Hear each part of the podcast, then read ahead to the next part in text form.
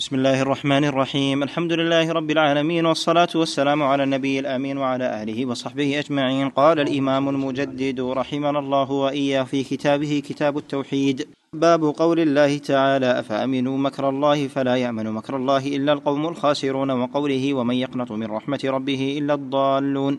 وعن ابن عباس رضي الله عنهما أن رسول الله صلى الله عليه وسلم سئل عن الكبائر فقال الشرك بالله واليأس من روح الله والأمن من مكر الله.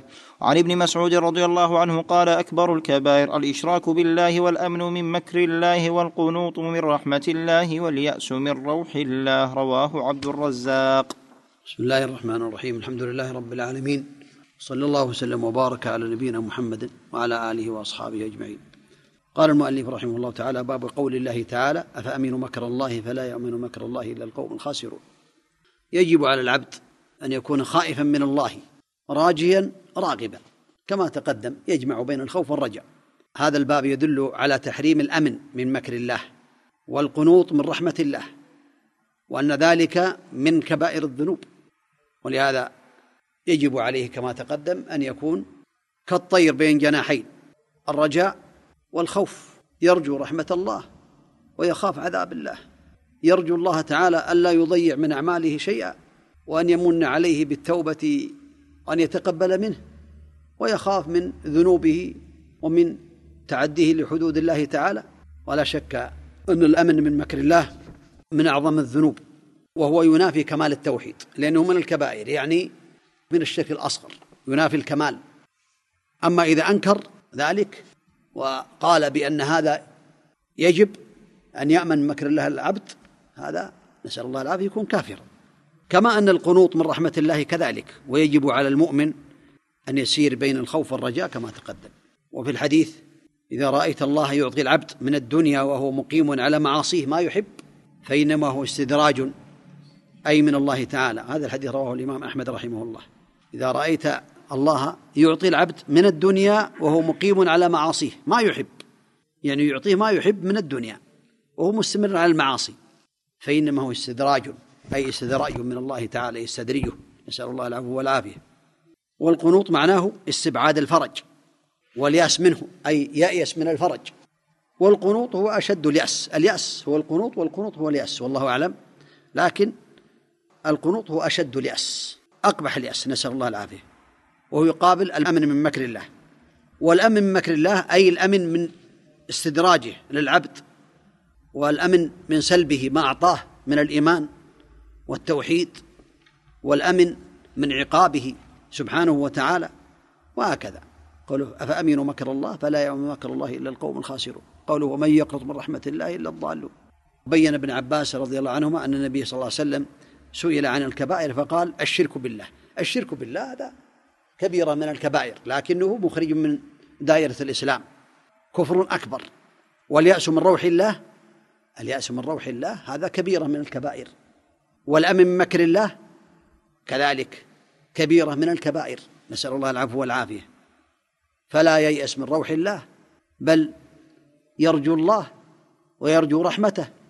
ولا يأمن من مكر الله بل يخاف الله ويخاف عقابه ويخاف انتقامه ويخاف أن لا يتقبل منه.